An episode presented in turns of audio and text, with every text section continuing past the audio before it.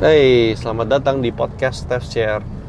Podcast monolog ini bertujuan membagikan hal-hal positif, hal yang berguna, one podcast at a time.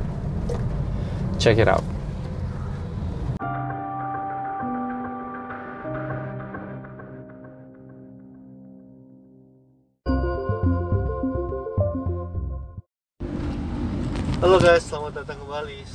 Di Steph Share episode ketiga tahun 2021 ini.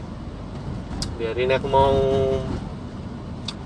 uh, bahas sedikit tentang apa yang aku pikirkan selama seminggu terakhir ini tentang bagaimana uh, kadang terlihatannya atau aku merasa dan mungkin beberapa dari kalian juga setuju bahwa hidup ini makin lama makin sulit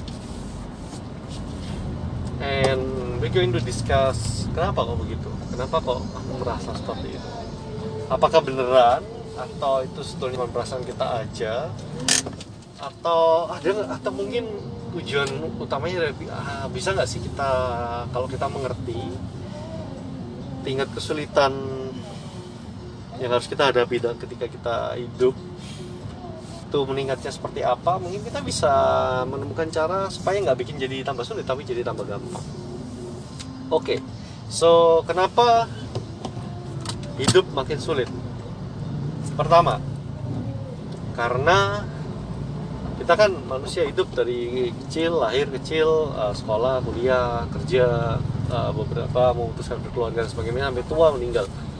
Setiap fase itu setiap fase kehidupan kita itu punya masalah sendiri-sendiri. Dan masalah itu berbeda dari fase sebelumnya ketika kita masih uh, paling nggak mungkin fase sekolah ya kita semua masih bisa ingat ya. Kalau yang masih bener anak kecil banget kan apa sih problem problema hidup apa sih? Main aja mungkin nonton film kartun. Uh, basic nggak ada. Yang paling sedih anak kecil tuh menangis kalau mainannya tiba-tiba rusak. Tidak bisa pergi main ke rumah temennya. Sakit nggak bisa sekolah. Dan ya itu rem, kelihatan remeh banget terutama kita sudah gede gini. Ya tapi itu masalah ketika kita masih kecil. Nanti ketika dengan kalau aku anggap kita ngikuti jenjang pendidikan ya makin kita naik dari TK, SD ke SMP makin sulit SMA lebih sulit lagi kuliah lebih sulit lagi tambah lagi ke kuliah tanggung jawab sudah lebih besar kita nggak bisa cuma nunggu disuapin sama pengajar tapi harus jauh lebih banyak proaktif belajar sendiri mencari ilmu sendiri jadi tanggung jawabnya makin besar makin sulit ya. dan setiap fase ini makin makin kita maju makin kita tua fasenya itu mempunyai problema mereka masing-masing mungkin itu yang menyebabkan uh, aku sempat berpikir iya ya mungkin itu yang menyebabkan hidup ini jadi terasa. Makin bertambah usia kita makin sulit. Karena di setiap fase kita makin tua muncul kebutuhan baru muncul masalah baru yang harus kita pelajari. Ya kan ketika kita single single and happy single and ready to mingle gitu kan. Have fun nggak terlalu banyak uh, tidak terlibat dalam any relationship. Jadi life is simple. Beberapa orang ketika mulai terlibat dalam hubungan asmara pacaran? Berarti ada um, orang apa orang lain terlibat dalam hidup kita ada tanggung jawab juga di situ ada privilege ada macam-macam. Dan itu menyebabkan tadi hidup yang tadinya simple ketika kamu single kamu punya pacar atau nanti even further uh, menikah berkeluarga ya makin rumit. Karena dengan fase ini bergerak maju bergerak berpindah tempat kita dihadapkan dengan masalah yang baru. Mungkin itu sebabnya kadang terasa hidup ini makin lama makin sulit. Dan yang kedua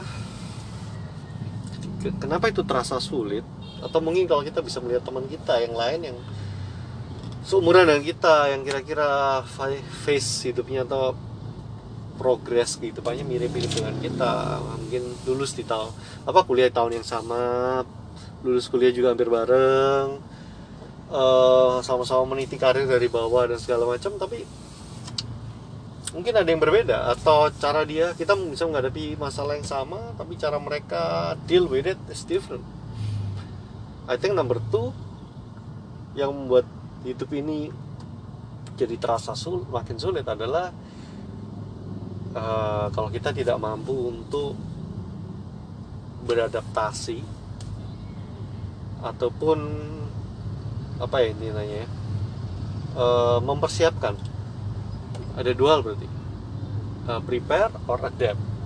Mempersiapkan. Jadi misalnya nih kita sekarang kuliah masa berikutnya baru lulus kuliah? Lulus kuliah kita mau ngapain? Kita mau wirausaha entrepreneurship atau kita mau kerja di perusahaan orang lain dulu mencari pengalaman?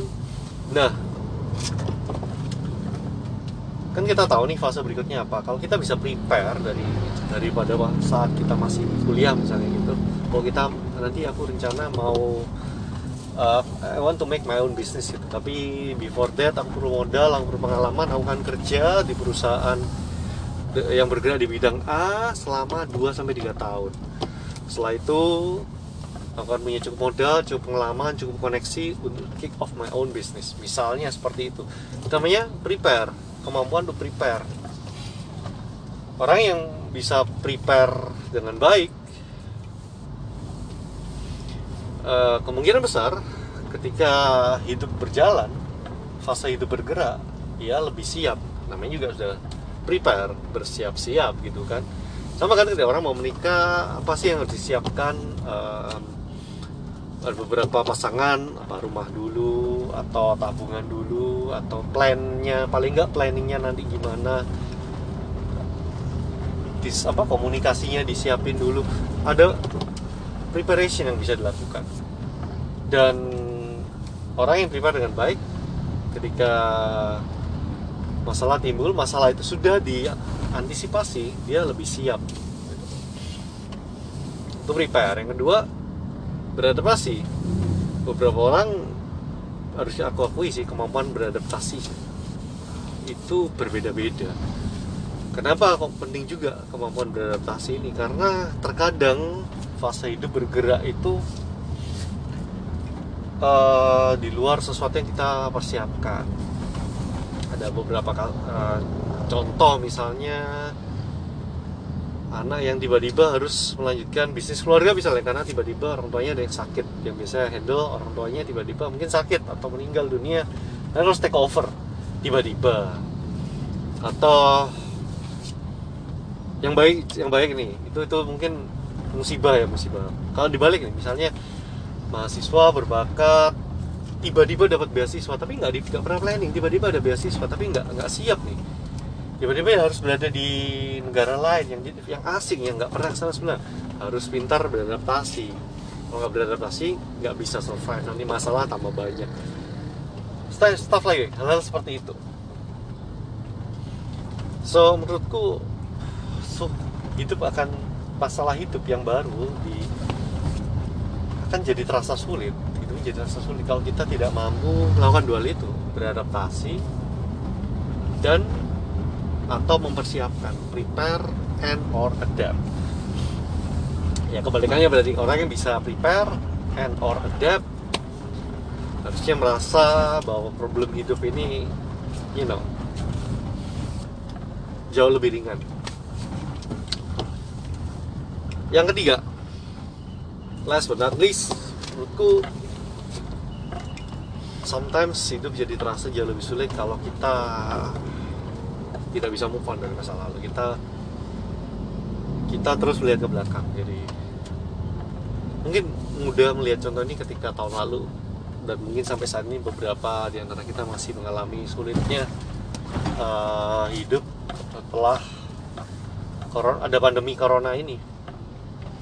Nggak saya bicara soal pekerjaan soal bisnis yang keras crash dan crumbling yang jatuh. Atau karyawan-karyawan yang tiba-tiba tidak punya pekerjaan dan penghasilan. Salah satu contoh yang paling obvious adalah keinginan orang untuk jalan-jalan. Iya ya biasanya kalau sudah bulan-bulan November Desember ini kita siap-siap pergi liburan untuk akhir tahun. Tapi tahun lalu kayak gitu tahun ini nggak bisa tahun kemarin nggak bisa 2020 walaupun ya banyak sih yang tetap pergi jalan-jalan segala macam. Looking back membandingkan apa yang ada hari ini realita hari ini yang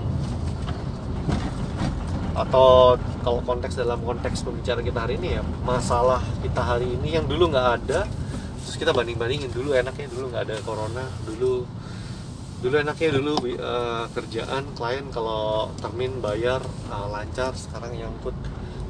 Undur lambat. Dulu enak ya gini gini gini dulu. Dan I think in my humble opinion hal seperti ini yang membuat kita itu jadi susah untuk mengatasi masalah yang kita hadapi. Gimana kita bisa menghadapi apa yang di depan kita kalau kita terus melihat ke belakang gimana kita bisa uh, menyelesaikan problem yang ada di saat ini atau bahkan di masa depan kalau kita terus membahas yang sudah lewat. Dulu enak soalnya gini dulu enak soalnya gini dan the worst part of uh, gagal move on yang seperti ini adalah uh, yang paling parah yang paling menakutkan adalah ketika orang jadi tidak bisa bertanggung jawab atas dirinya sendiri. Jadi tidak bisa accountable mengkambing hitamkan keadaan tanpa mencari solusi dari masalah yang dihadapi. Kan berarti itu kan? Oh ini dulu enak sekarang nggak enak. Ini gara-gara ini. Gara-gara bosku. Tidak mau kita terus buka. Ini gara-gara temanku dulu. Nggak ngasih aku info pekerjaan lebih baik. Orang lain yang salah sudah tinggal di masa lalu tidak tidak bisa apa namanya mengambil tanggung jawab untuk menyelesaikan masalah yang dihadapi sulit hidup jadi terasa makin sulit sulit untuk bergerak kan tersandera bayangan nostalgia masa lalu. So,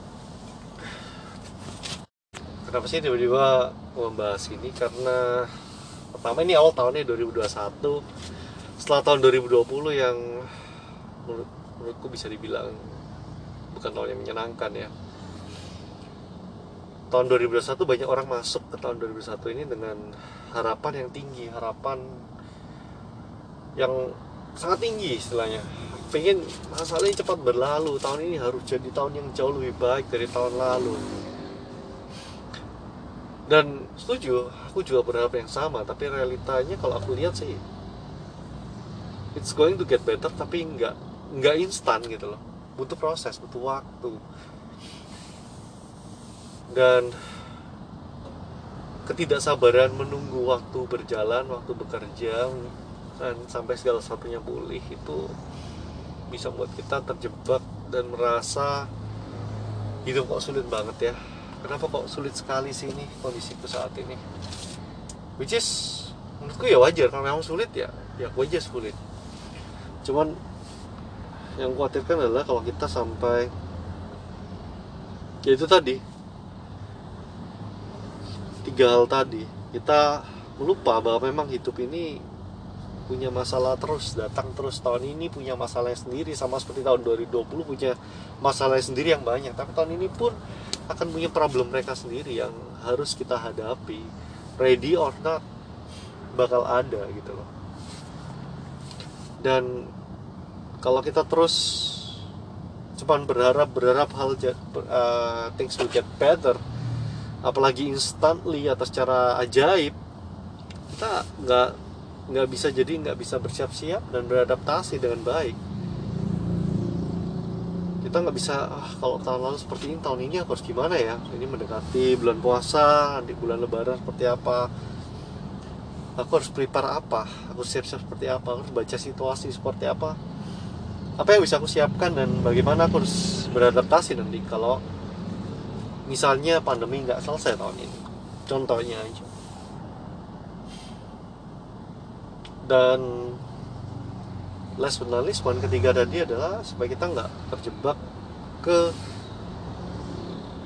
kenangan-kenangan indah ke masa sebelum corona misalnya seperti itu.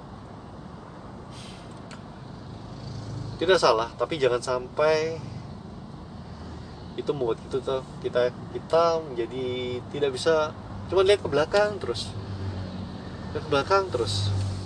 Terus nggak memikirkan sekarang gimana terus? What next? Apa yang kita bisa lakukan saat ini? Apa antisipasi yang bisa lakukan? Dan kalau kita mau ngambil tanggung jawab dari masalah kita di saat ini bagaimana aku bisa bertanggung jawab dengan actionku sendiri supaya next time atau ketika kalau misalnya pandemi ini masih akan berjalan sepanjang satu tahun ke depan aku bisa survive. Itu sih yang mau mau bagikan hari ini hopefully aku sih hmm, sedikit bagi sharing yang pendapatku soal uh, pandemi ini. Dan setelah proses vaksin vaksinasi dimulai kemarin aku cukup optimis sih. Terlepas dari semua berita apa pun yang mengatakan kadang ya media menjual berita dengan cara oh vaksin ini uh, efektivitasnya tidak terlalu tinggi atau di negara mana berapa meninggal walaupun kalau dibaca lagi yang meninggal itu khusus untuk pasien uh, yang disuntikan di usia tua sih 75 ke atas atau 80 ke atas itulah ya.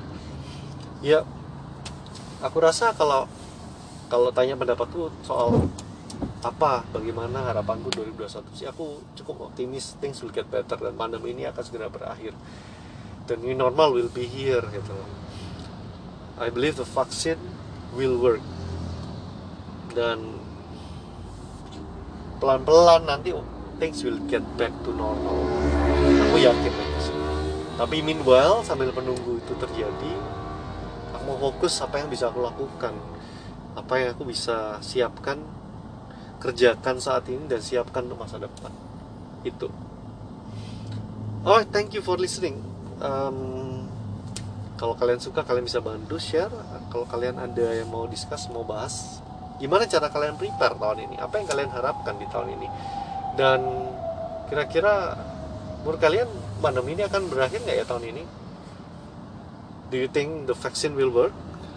Apakah let's say di akhir tahun nanti orang-orang sudah bisa pergi berliburan dengan bebas tanpa takut? Please let me know okay? And I'll see you on the next one. It's me Steph. Peace and out